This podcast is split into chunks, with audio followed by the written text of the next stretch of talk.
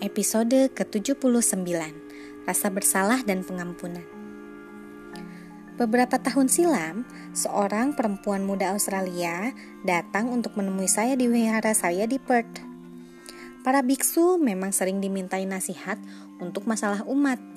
Barangkali karena jasa kami murah, kami tak pernah minta bayaran. Perempuan ini datang karena dia tersiksa oleh rasa bersalahnya Enam bulan sebelumnya, dia bekerja di sebuah pertambangan terpencil di bagian utara Australia Barat. Pekerjaan di sana berat, tapi banyak duitnya. Hanya saja, tidak banyak yang bisa dilakukan di luar jam kerja. Jadi, pada suatu minggu, ia mengajak sahabat dan pacar sahabatnya untuk bepergian naik mobil ke padang rumput. Sahabatnya tidak ingin pergi, demikian juga dengan pacarnya tapi tidak asik rasanya kalau main sendirian. Maka dia membujuk, berkilah dan merengek sampai akhirnya mereka menyerah dan bersedia pergi bersama. Lalu terjadilah kecelakaan. Mobil mereka tergelincir di jalan berbatu yang longsor. Sahabatnya tewas. Pacar sahabatnya jadi lumpuh. Itu adalah usulannya. Tetapi dia sendiri selamat. Dia bercerita pada saya dengan duka di matanya. Kalau saja saya tidak memaksa mereka untuk pergi, sahabat saya pasti masih hidup dan pacarnya tidak akan kehilangan kaki. Seharusnya saya tidak mengajak mereka pergi dengan saya. Saya merasa ngeri sekali. Saya merasa sangat bersalah.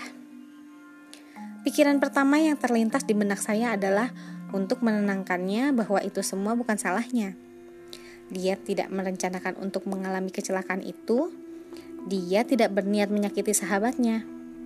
Semuanya sudah terjadi, biarlah berlalu.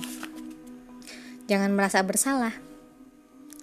Namun, pikiran berikutnya yang terlintas adalah berani taruhan, dia pasti sudah mendengar nasihat semacam ini ratusan kali dan kelihatannya tidak mempan. Jadi saya diam sejenak merenungi situasinya lebih dalam, lalu saya katakan padanya bahwa bagus juga kalau dia merasa begitu bersalah. Wajahnya berubah dari sedih menjadi terkejut, dan dari terkejut menjadi lega. Dia belum pernah mendengar perkataan itu sebelumnya, bahwa dia semestinya merasa bersalah. Dugaan saya benar, dia merasa bersalah akan perasaan bersalahnya. Dia merasa bersalah dan tiap orang bilang bahwa dia tidak boleh merasa bersalah. Karena itu, dia merasa dua kali bersalah.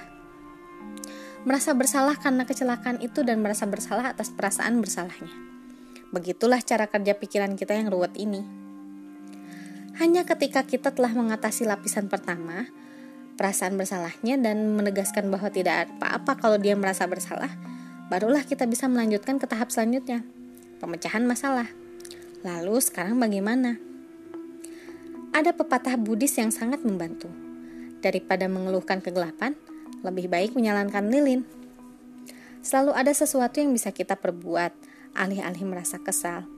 Sekalipun hanya duduk diam sejenak, tanpa mengeluh. Perasaan bersalah pada hakikatnya berbeda dengan penyesalan. Dalam budaya kita, bersalah adalah keputusan yang diketok palukan oleh hakim di pengadilan dan jika tidak ada orang tidak ada seorang pun yang menghukum kita, kita akan menghukum diri kita sendiri dengan satu dan lain cara. Perasaan bersalah berarti hukuman di dalam batin kita. Jadi, perempuan ini memerlukan sesuatu kiat pengampunan untuk membebaskannya dari perasaan bersalah. Sekedar memberitahunya untuk melupakan apa yang terjadi nampaknya tidak berkhasiat.